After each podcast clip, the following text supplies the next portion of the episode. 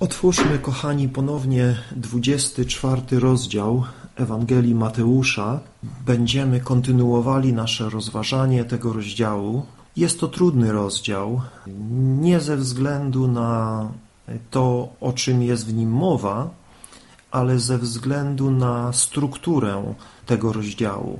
Tutaj wiele dyskusji, wiele nawet sporów toczy się w odniesieniu do tego, które wyrażenia, które zdania odnoszą się do jakiego tematu, ponieważ na początku tego rozdziału, po dramatycznej konfrontacji Pana Jezusa z żydowskimi przywódcami, o czym czytamy we wcześniejszym 23 rozdziale, Pan Jezus zapowiada zabranie im królestwa i dania innym i uczniowie jakby totalnie nie usłyszawszy tego, co Pan Jezus mówi, czy nie zdając sobie sprawy z powagi tego, o czym jest mowa w tym wcześniejszym 23 rozdziale, y, w tej dramatycznej konfrontacji, oni zachwycają się tą fizyczną świątynią stojącą w Jerozolimie, y, podziwiają kamienie i y, pytają Pana Jezusa, co On myśli o tej wspaniałości świątyni. Natomiast Pan Jezus w swojej odpowiedzi zdumiewa ich, mówiąc, że to wszystko zostanie zburzone, że nic z tego nie zostanie, kamień na kamieniu się nie ostanie. I gdy później znaleźli się na Górze Oliwnej, na osobności uczniowie podchodzą do Pana Jezusa i pytają Go właściwie o trzy rzeczy, a więc powiedz nam, kiedy się to stanie, czyli zburzenie świątyni, bo o tym Pan Jezus mówi w poprzednim wierszu, więc odnoszą się do tego, kiedy nastąpi zburzenie świątyni i zadają kolejne pytanie i jaki będzie znak Twego przyjścia i końca wieku. Czyli tutaj mamy, niektórzy mówią dwa pytania, niektórzy mówią trzy pytania. Jedno dotyczy zburzenia świątyni, drugie dotyczy przyjścia Pana Jezusa i końca wieku, końca czasów. Najwyraźniej uczniowie wiązali te dwa wydarzenia ze sobą. Nie, nie rozróżniali odległości czasowej, jaka historycznie dzisiaj wiemy, ma miejsce między jednym a drugim wydarzeniem. Najwyraźniej dla nich zburzenie świątyni kojarzyło się z czasem końca i przyjściem Chrystusa. I Pan Jezus przechodzi do odpowiedzi na te pytania, i w tej odpowiedzi nie ma wyraźnego rozróżnienia, gdzie Pan Jezus mówi o zburzeniu świątyni, a gdzie mówi o swoim przyjściu i końcu wieku. Stąd różni interpretatorzy tego fragmentu no, spierają się, mają odmienne zdanie, y, do czego odnosi się dana wypowiedź Pana Jezusa. I ja ostatnio tutaj z Wami podzieliłem się tym, jak ja widzę y, strukturę tego rozdziału, gdzie Pan Jezus mówi o y, całym tym okresie poprzedzającym Jego przyjście, czyli y, odpowiada na to, najpierw na to pytanie o Jego przyjściu i końca wieku. I to zaczyna się od czwartego wiersza aż do czternastego, gdzie Pan Jezus mówi i wtedy nadejdzie koniec, czyli to, żeśmy ostatnio omawiali, ten fragment, gdzie Pan Jezus mówi o czasie, który poprzedza Jego przyjście i mówi o różnych wydarzeniach, które będą miały miejscu, miejsce na ziemi, różnych dramatycznych wydarzeniach i Pan Jezus za każdym razem, tutaj szczególnie na początku, podkreśla, to jeszcze nie koniec. To jeszcze nie, nie, nie jest ten czas mojego przyjścia. A więc gdy Jezus mówi, te rzeczy będą się działy, te rzeczy będą miały miejsce, ale to nie jest znak mojego przyjścia. To nie jest jeszcze koniec czasów. Więc gdy wybuchają wojny, wybuchają epidemie, wybuchają konflikty między narodami, gdy chrześcijanie są prześladowani, gdy coraz więcej fałszywych proroków i zwiedzeń naturalną reakcją chrześcijan jest mówienie, no to chyba już Pan musi powrócić, to już chyba koniec, to już ten czas.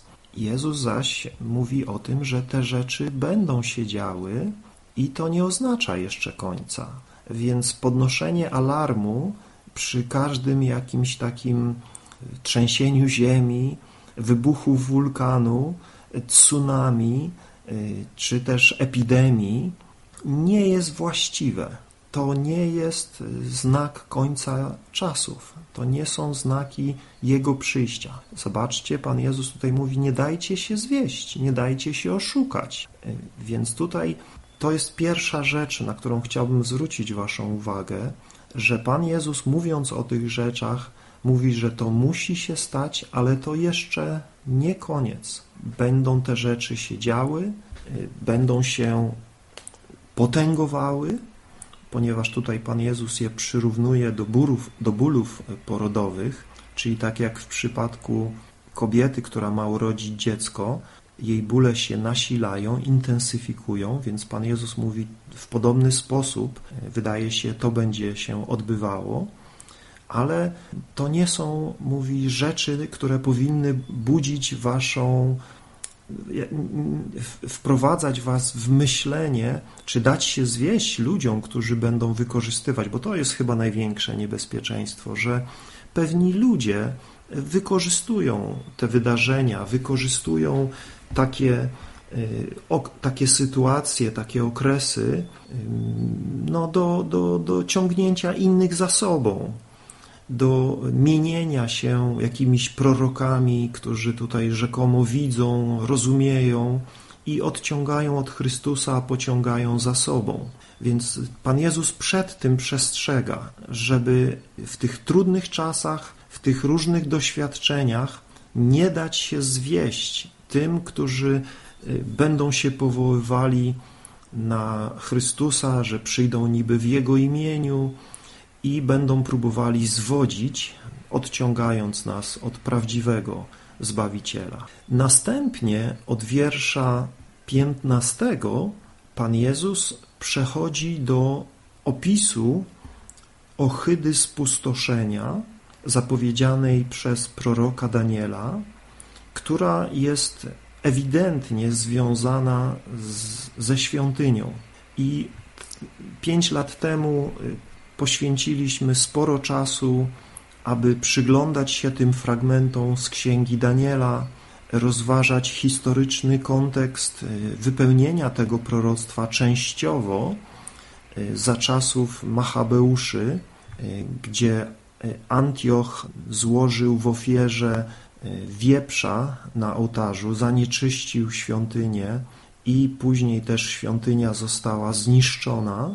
Następnie mamy odbudowę świątyni za Heroda i teraz Pan Jezus powołuje się ponownie na to proroctwo Daniela, mówiąc o tym, że to proroctwo znowu się wypełni i wiemy, że w 70 roku, 40 lat mniej więcej po tej wypowiedzi Pana Jezusa, w 70 roku po Chrystusie, świątynia została ponownie zniszczona przez Rzymian i cała Jerozolima została e, wyrżnięta w pień. Żydzi, którzy tam się znajdowali, zostali wszyscy strasznie e, potraktowani, większość zabita, część zakuta w kajdany i uprowadzona jak niewolnicy. Ci, którzy uciekli, schronili się do Masady, też zostali wszyscy wymordowani. Więc to była groza tego czasu, która też nazywana jest w 21 wierszu wielkim uciskiem. To jest y, czas y, Bożego Sądu nad Izraelem. To, co Pan Jezus zapowiada w 23 rozdziale Ewangelii Mateusza, y, zostało zrealizowane w tragicznej historii Izraela w roku 70, gdzie zostali, zostali po prostu zniszczeni jako naród, wypędzeni ze swojej ziemi, rozproszeni po całej ziemi. Jednak Bóg ich zachował i w zeszłym stuleciu sprowadził ich do swojej ziemi. I tutaj To też spowodowało ożywienie zainteresowania wielu chrześcijan co do roli Izraela w czasach ostatecznych i tutaj na nowo ożywiły się spekulacje, przewidywania związane z odbudową świątyni, z ponownym wprowadzeniem systemu ofiarniczego i ponownym zburzeniem świątyni u kresu czasu. Więc niektórzy tutaj to, o czym Pan Jezus tutaj też mówi, przenoszą na czasy końca, które są jeszcze przed nami, mówiąc, że to jeszcze się wypełni raz u kresu wieków w literalny sposób w Izraelu. Ja osobiście nie, nie, nie chcę wchodzić w dyskusję z tego typu poglądami. Mam poważne wątpliwości co do ich zasadności, ale nie o tym dzisiaj chciałbym mówić. W ogóle ten temat czasów końca jest tematem, który od samego początku budził kontrowersje. Widzimy już w pierwszym liście do Tesaloniczan, w drugim liście do Tesaloniczan różnego rodzaju idee, które już wtedy się rodziły i apostoł Paweł poświęca dużo miejsca w tych dwóch listach, wzywając Tesaloniczan do tego, by nie popadali w panikę, nie dawali się zwodzić, nie ulegali jakiejś iluzji w tym temacie i tłumaczy im, mówiąc o rzeczach, które jeszcze muszą się wydarzyć, zanim Pan powróci. Więc y, jest to temat, mówię, trudny, jest to temat y, budzący kontrowersje i mamy bardzo wiele różnych y, koncepcji dotyczących scenariusza tych rzeczy ostatecznych, poczynając od tych, którzy traktują wszystko w sposób literalny, doszukując się w, każdym, w każdej proroczej zapowiedzi literalnego wypełnienia, po tych, którzy wszystko traktują w taki sposób obrazowy, którzy nie widzą żadnego literalnego wypełnienia, ale tylko widzą tutaj pewne obrazy dotyczące pewnych zjawisk, wydarzeń w życiu Kościoła i na świecie, które te dramatyczne zapowiedzi tylko ilustrują. I w tym całym spektrum rozumienia są jeszcze inni, którzy część rozumieją tak, część rozumieją inaczej, więc są to tematy trudne. Jest tutaj wielu zdrowych, głęboko wierzących, pełnych Ducha Świętego nauczycieli, którzy w pewnych szczegółach się różnią w swoim zrozumieniu i w swojej interpretacji. I dlatego też ja no, jestem daleki od tego, żeby tutaj dogmatyzować i wchodzić w jakieś spory z kimś, kto troszeczkę inaczej to rozumie, czy zupełnie inaczej to rozumie nawet. Jeżeli y, pobudza nas to do tego, by być gotowymi na powrót Pana, jeśli pobudza nas to do tego, by oczekiwać Jego powrotu w taki sposób, w jaki Jezus w następnym rozdziale ilustruje, że powinniśmy oczekiwać, to ja nie mam z tym problemu, że możemy się nie zgadzać co do, pewnych, do pewnego scenariusza i kolejności wydarzeń, które będą miały miejsce. Natomiast ważne jest, byśmy rozważając ten rozdział i y, Księgę Objawienia, czy Księgę Daniela, czy różne inne prorocze zapowiedzi y, powrotu Pana, skupiali się na tym, co ja praktycznie mam z tym zrobić, jak ja w świetle tego mam żyć. To moim zdaniem jest najważniejsze. Te słowa zapowiedzi powrotu pańskiego są słowami otuchy, są słowami, którymi apostoł Paweł mówi, że mamy się wzajemnie pocieszać. Mamy sobie dodawać otuchy, gdy przychodzą te różne trudne rzeczy, gdy przychodzą te trudne doświadczenia, dramaty dziejące się na świecie i zbliżające się do naszych drzwi.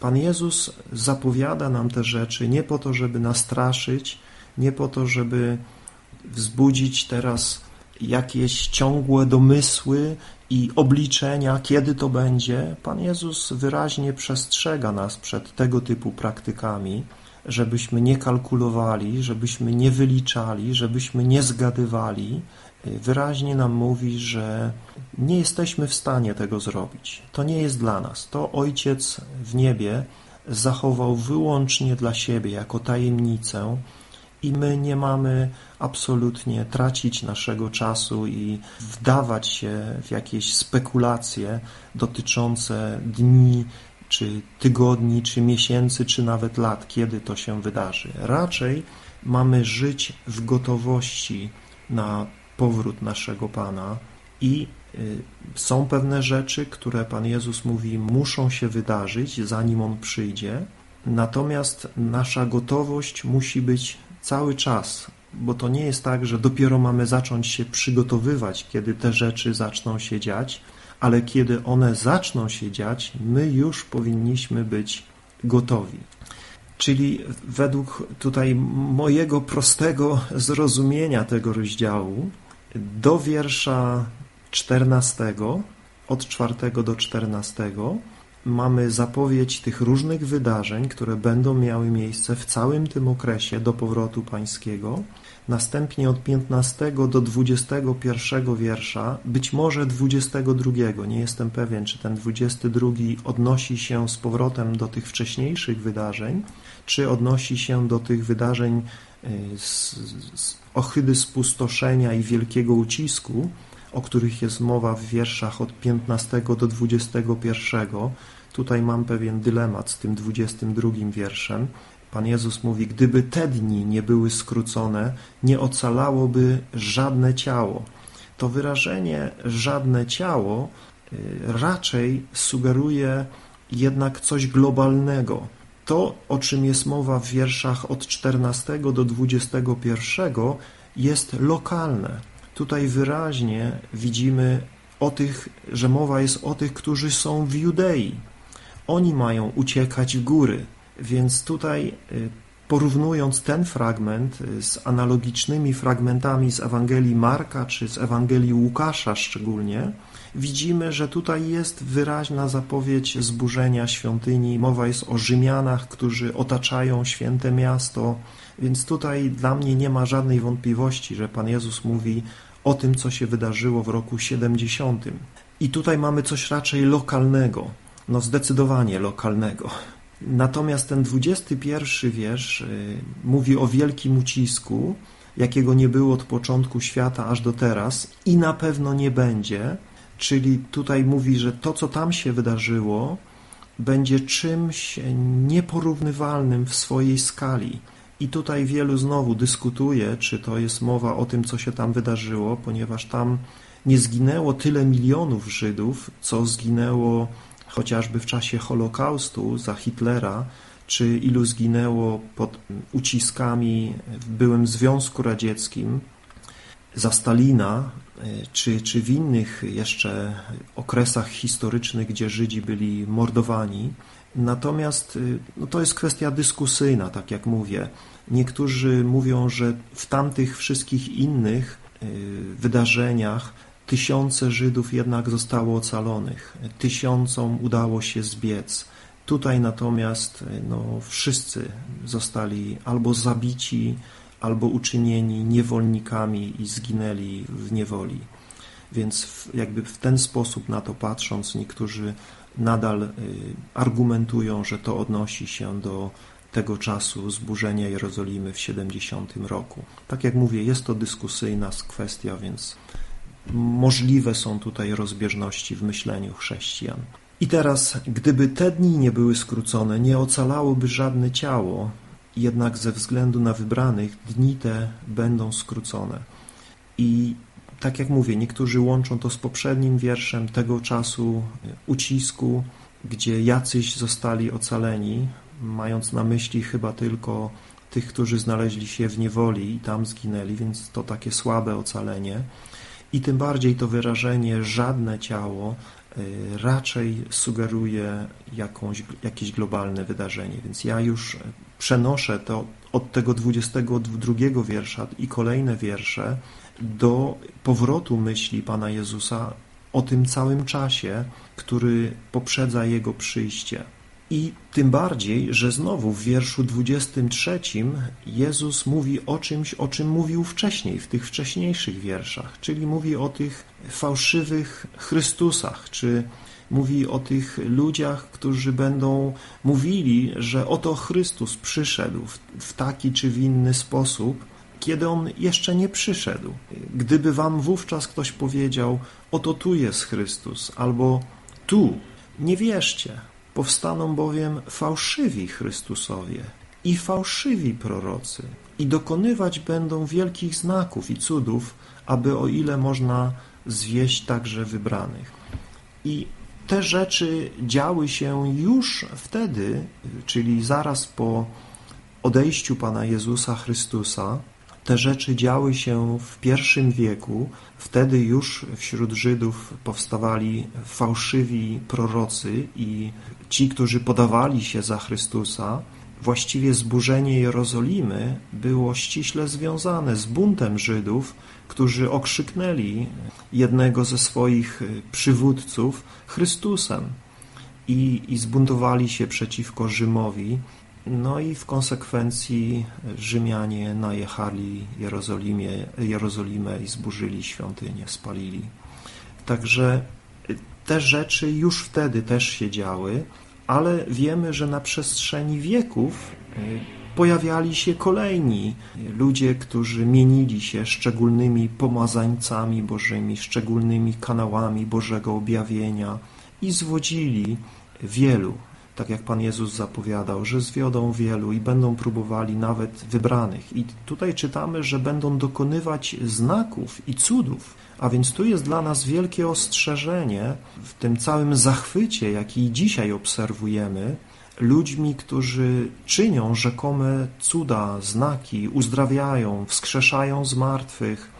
No nie brakuje dzisiaj, szczególnie w dobie internetu, i tych różnych y, filmików, y, które możemy oglądać, czasami sfabrykowanych, czasami z aktorami, czasami z ludźmi podstawionymi, niestety, przykro o tym mówić. Także nie brakuje różnego, różnej maści zwodzicieli i dzisiaj, którzy czynią rzekomo wielkie znaki i cuda, ale to, co głoszą, pokazuje nam, że to nie są Boży ludzie.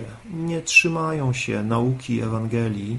W centrum ich zwiastowania nie jest Chrystus, ale najczęściej oni sami, ich doświadczenia, ich przeżycia, głos, który słyszą rzekomo od Pana i bardzo często ta ich Ewangelia jest Ewangelią, w której człowiek jest na pierwszym miejscu. Potrzeby człowieka, pragnienia człowieka, realizacja czy samorealizacja człowieka.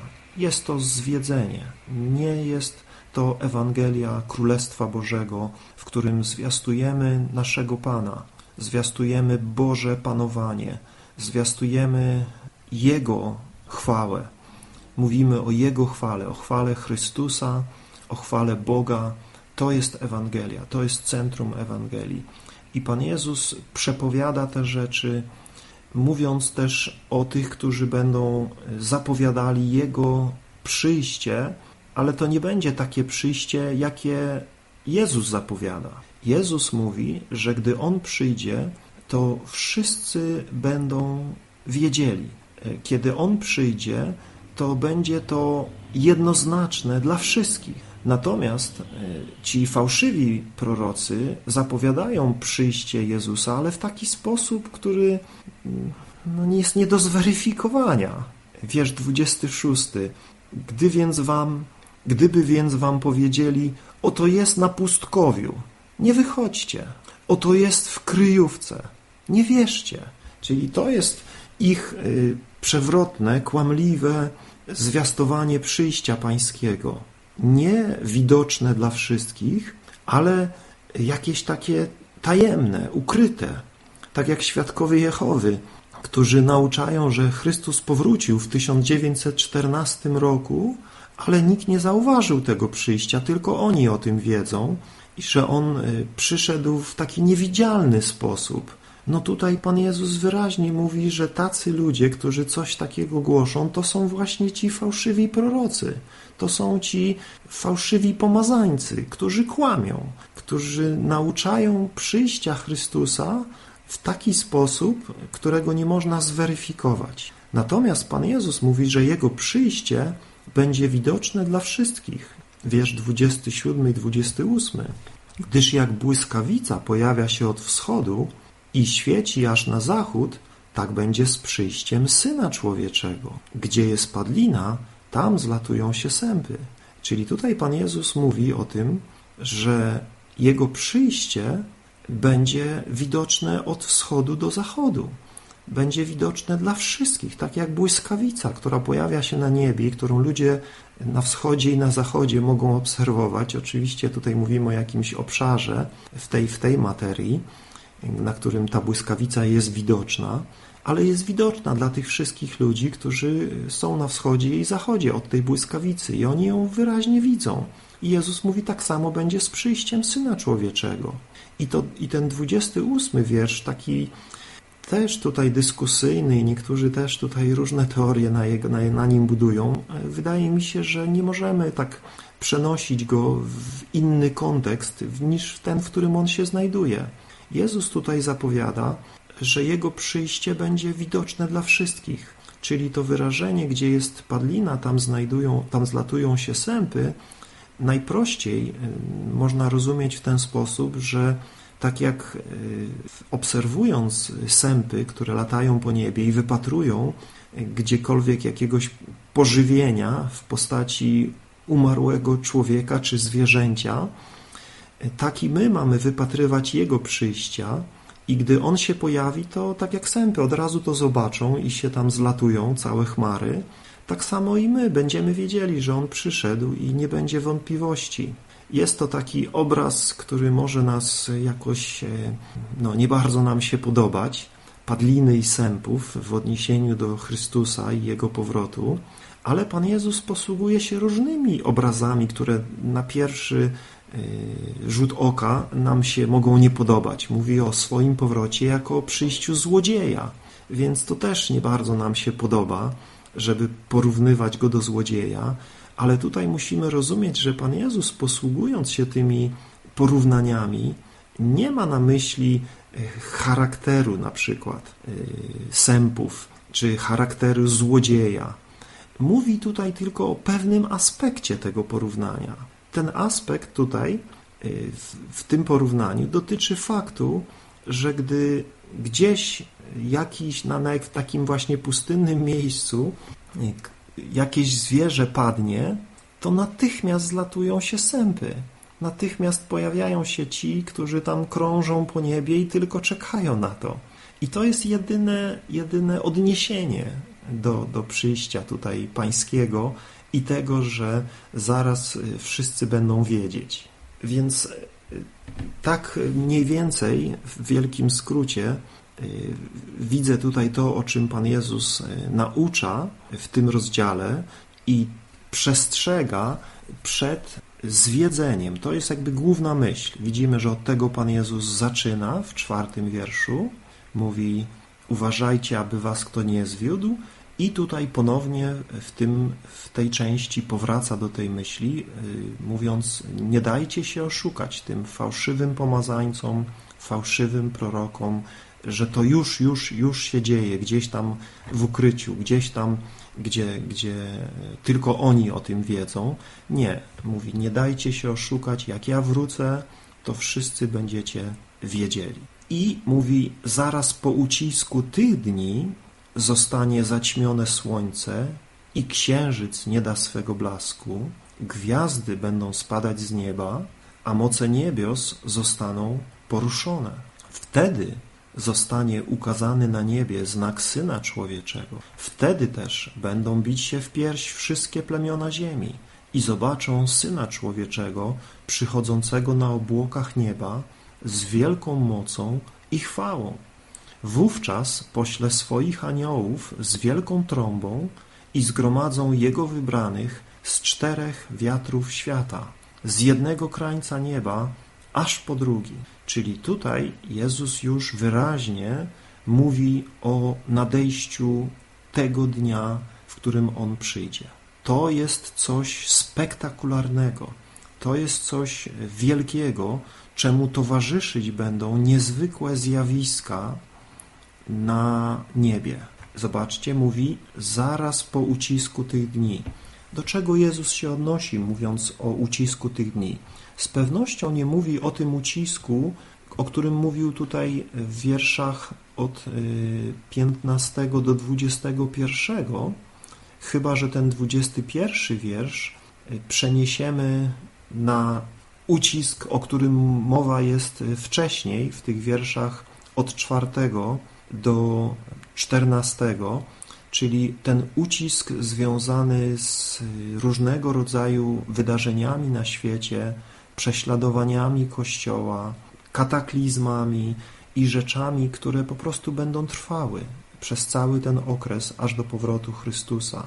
I Jezus mówi, po ucisku tych dni, i tak ja to rozumiem, że tutaj o tym okresie mówi, zostanie zaćmione słońce, czyli nie o ucisku związanym ze zburzeniem Jerozolimy, tylko z tym uciskiem tych wszystkich dni pomiędzy Jego odejściem z tego świata i ponownym przyjściem. Zaczną się dziać te niezwykłe wydarzenia po, ucisk, po, po ucisku tych dni.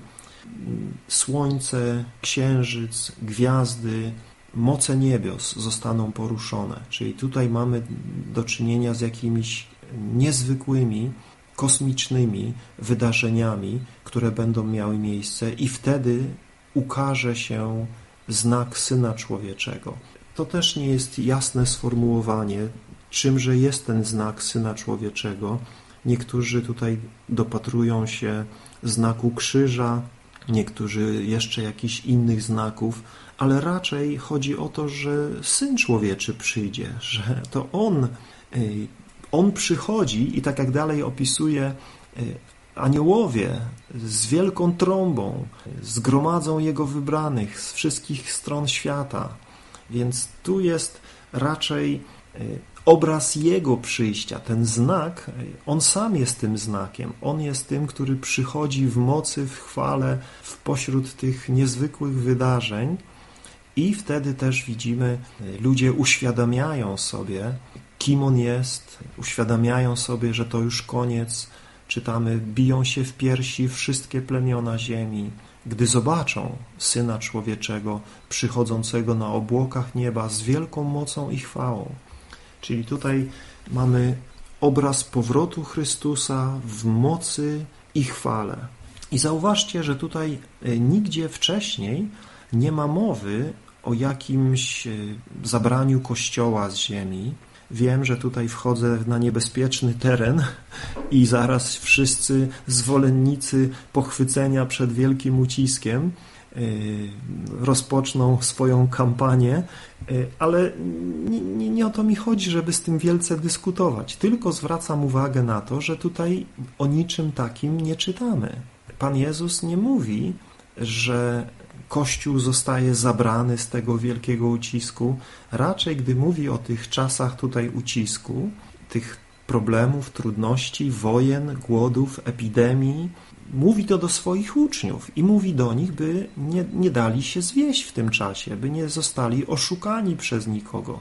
Więc tutaj z tego fragmentu w żaden sposób nie da się wnioskować, że Kościół, wierzący ludzie unikną tych rzeczy, że nie będą przez to wszystko przechodzić, że nie będą tego doświadczać, ale raczej, że Pan Jezus mówi im o tym, żeby na to byli przygotowani, żeby się nie gorszyli, kiedy będą w nienawiści u wszystkich, kiedy będą atakowani, prześladowani i nawet kiedy między wierzącymi będzie dochodziło do podziałów, do kłótni i y, będą się zrażać, y, gorszyć, nawzajem się wydawać, nienawidzić, to o czym wcześniej już tutaj mówiliśmy. Pan Jezus zapowiada to i mówi, to będzie waszym udziałem. Tego się spodziewajcie. Nie gorszcie się, gdy to się stanie. Nie, nie spodziewajcie się, że to was ominie. Nie, Pan Jezus mówi o tych wszystkich rzeczach, przygotowując swoich uczniów, którzy już wtedy w tym wszystkim uczestniczyli i tych wszystkich, tak jak my, którzy czytamy o tym po latach i obserwujemy to i widzimy to i jesteśmy świadkami tego. Więc y, rozumiem, że te rzeczy y, są udziałem Kościoła aż do przyjścia Pańskiego. I patrząc, mówię, na, z perspektywy czasu na wielkie prześladowania Kościoła w pierwszych wiekach. Pierwsze trzy wieki ogromne prześladowania. Czasy średniowiecza prześladowania Kościoła. Reformacja prześladowania. Po reformacji prześladowania. I dzisiaj mamy ogromne nasilenie prześladowań Kościoła na całej ziemi. Bracia, siostry są wydawani, są zdradzani, są szykanowani, są zamykani w więzieniach, w obozach pracy, torturowani, zamęczeni na śmierć. Więc te rzeczy dzieją się. I Ewangelia w pośród tego wszystkiego jest głoszona po całym zamieszkałym świecie, na świadectwo wszystkim narodom.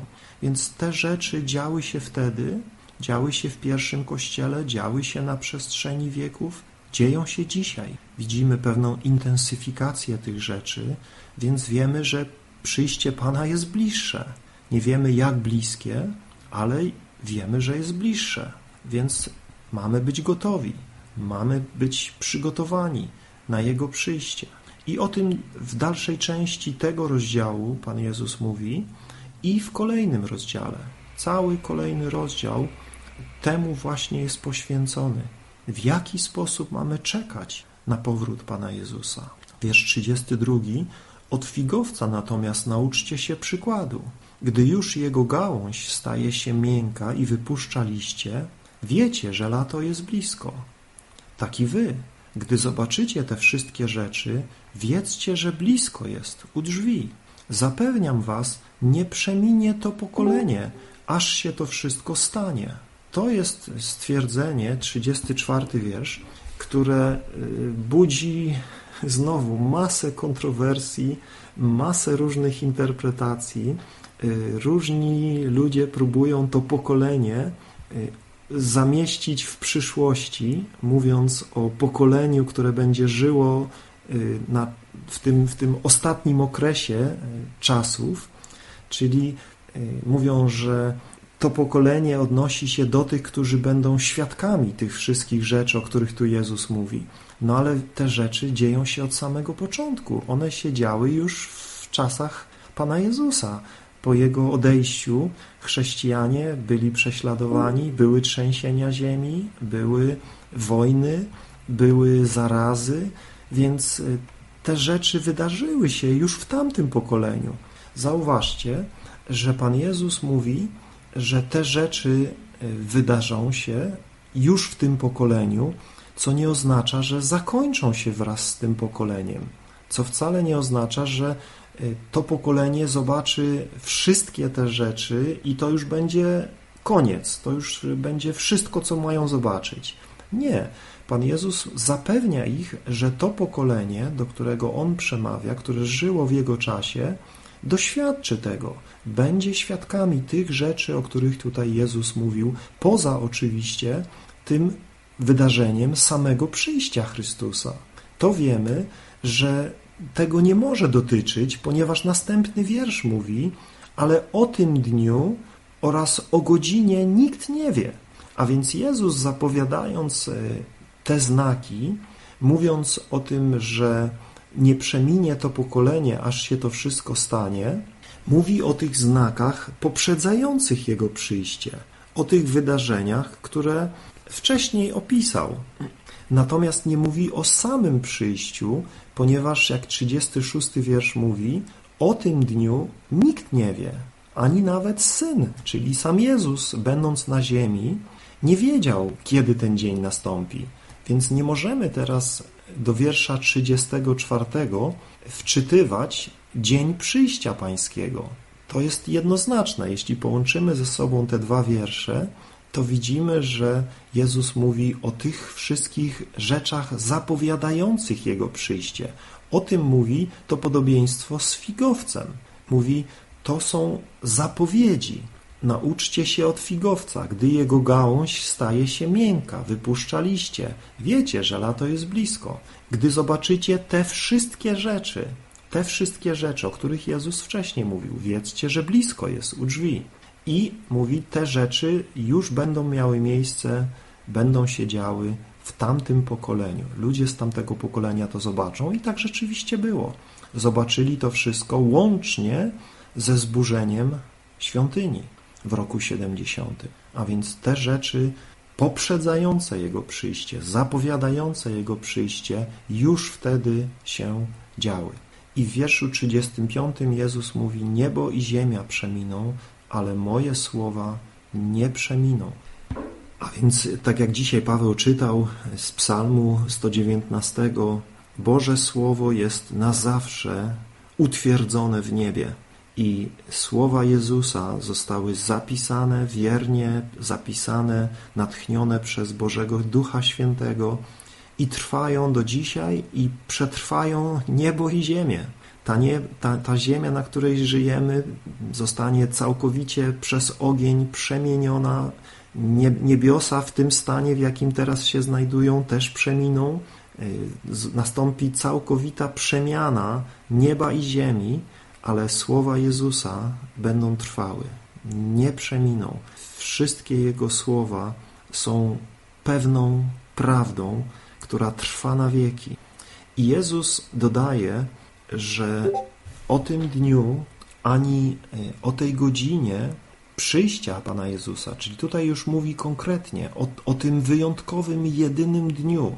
Nie mówi o tych wydarzeniach, o których mówił wcześniej. Mówi, to wszystko będzie się działo, to wszystko musi się stać, ale to jeszcze nie koniec. Teraz natomiast mówi o dniu końca, o, o tym szczególnym dniu. O tym też więcej mówiliśmy e, w kontekście Y, rozważania mm, Księgi Daniela, Ohydy Spustoszenia, czasów końca, więc cały czas Was odsyłam do tych wcześniejszych wykładów, jeśli ich nie słuchaliście, to, to Wam bardzo uzupełni, jeśli jesteście zainteresowani tym tematem, a wierzę, że powinniśmy być zainteresowani tym tematem. To, to jest jeden z ważkich aspektów Ewangelii. Przyjście Pana, ustanowienie królestwa, doświadczenie całej pełni zbawienia. To jest jeden z fundamentów, na którym Ewangelia się opiera, więc to nie jest temat, który możemy lekko traktować, który możemy marginalnie traktować. To, że nie zgadzamy się we wszystkim, to, że nie rozumiemy wszystkich szczegółów, nie oznacza, że nie mamy tego rozważać. Nie oznacza, że nie mamy o tym myśleć, że Mamy wiele miejsc, które się do tego odnoszą i które nas zachęcają do oczekiwania powrotu naszego Pana, miłowaniu Jego powrotu. Więc to jest y, nastawienie prawdziwego Kościoła. Przyjdź, Panie Jezu. Kościół pragnie powrotu swojego Pana, ustanowienia Jego Królestwa, rozprawieniem się z całym złem i grzechem, jaki panuje na tym świecie od upadku Adama.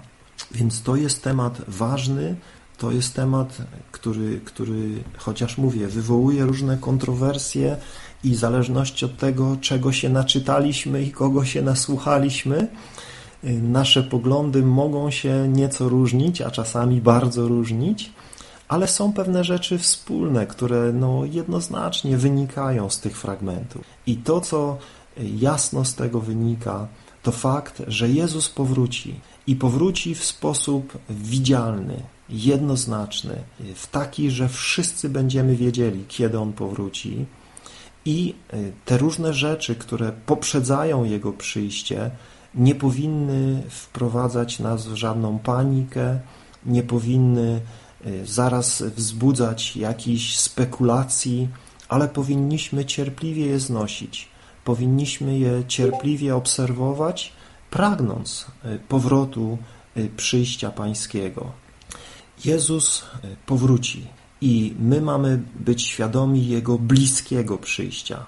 Tak jak 33 wiersz mówi, gdy te rzeczy się będą działy, wiedzcie, że blisko jest u drzwi. Tak, Jezus jest blisko od pierwszego wieku. To nie to, że teraz jest blisko. Teraz jest jeszcze bliżej, z pewnością. Apostoł Paweł pisze nawet w jednym liście, że jest już bliżej niż wtedy, gdy uwierzyliście.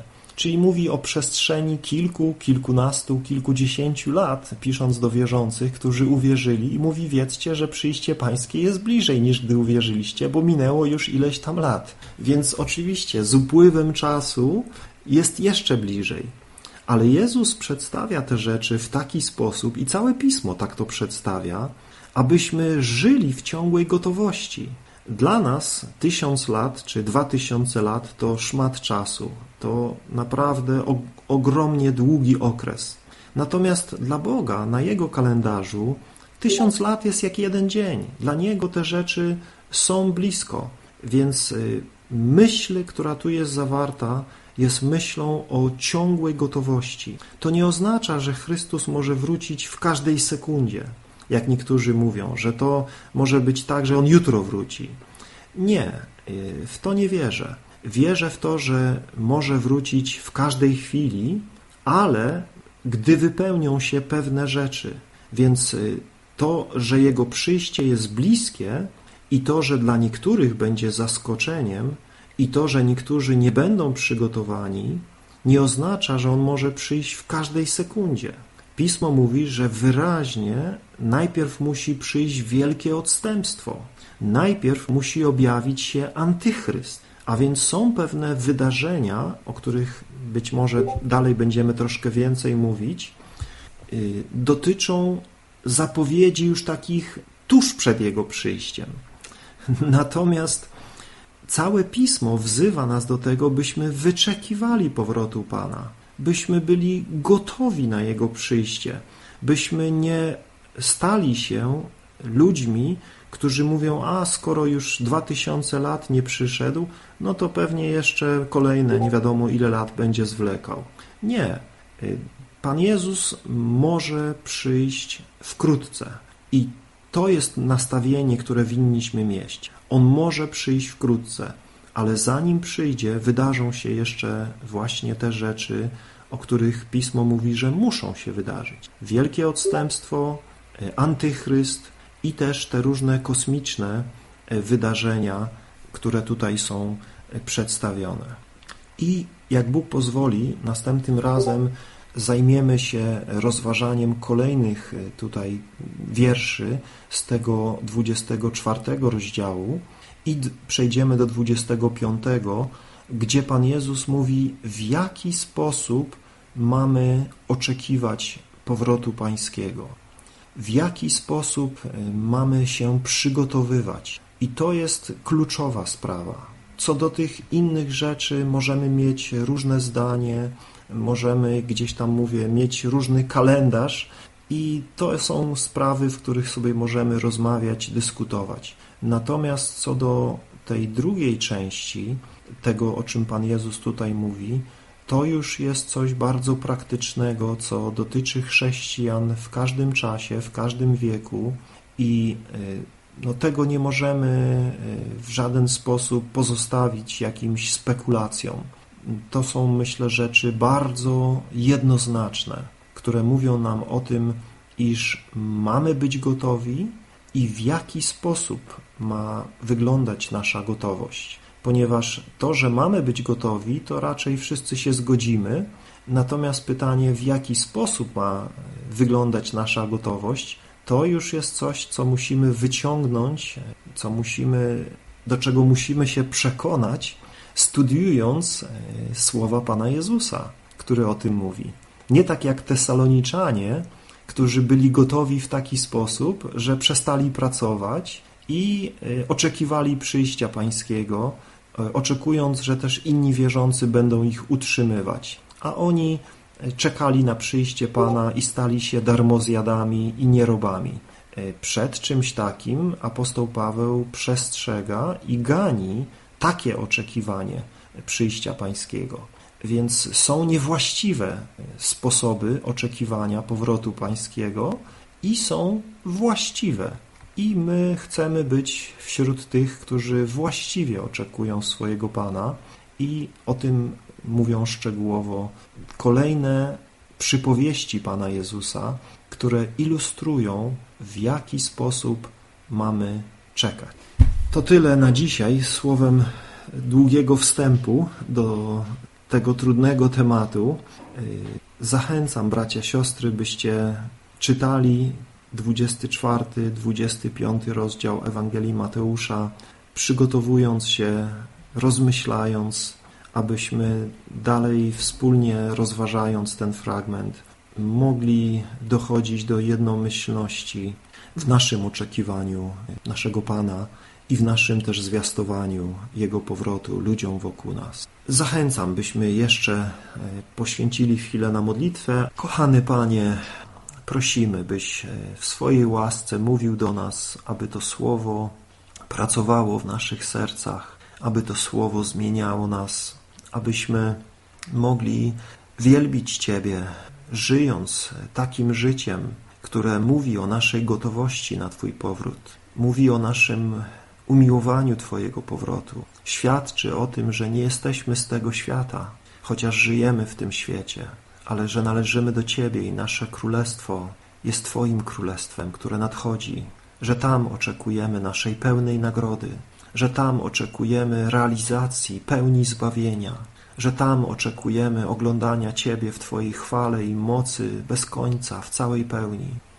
Prosimy, pomóż nam zgłębiać te rzeczy, rozmawiać o nich. Prosimy, mów do nas i, i, i kształtuj w nas właściwą postawę i daj, byśmy byli ludźmi, którzy są owocni w naszym życiu i postępowaniu. Amen.